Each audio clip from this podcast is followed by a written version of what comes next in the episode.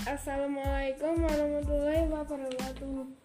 Perkenalkan nama saya Abdi dari kelas 6A SD Alamarido. Saya memiliki cita-cita menjadi seorang polisi. Saya menyukai profesi ini karena ingin membantu orang-orang untuk menangkap menculik dan memberi peringatan buat mereka yang melanggar lalu lintas. Sosok orang yang membuatku terinspirasi adalah bapak-bapak polisi yang sedang bertugas di jalan-jalan raya.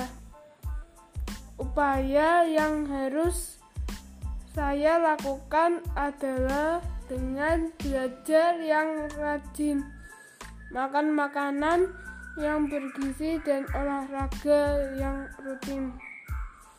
Dengan disiplin yang tinggi, saya berharap kelak bisa masuk akademi kepolisian.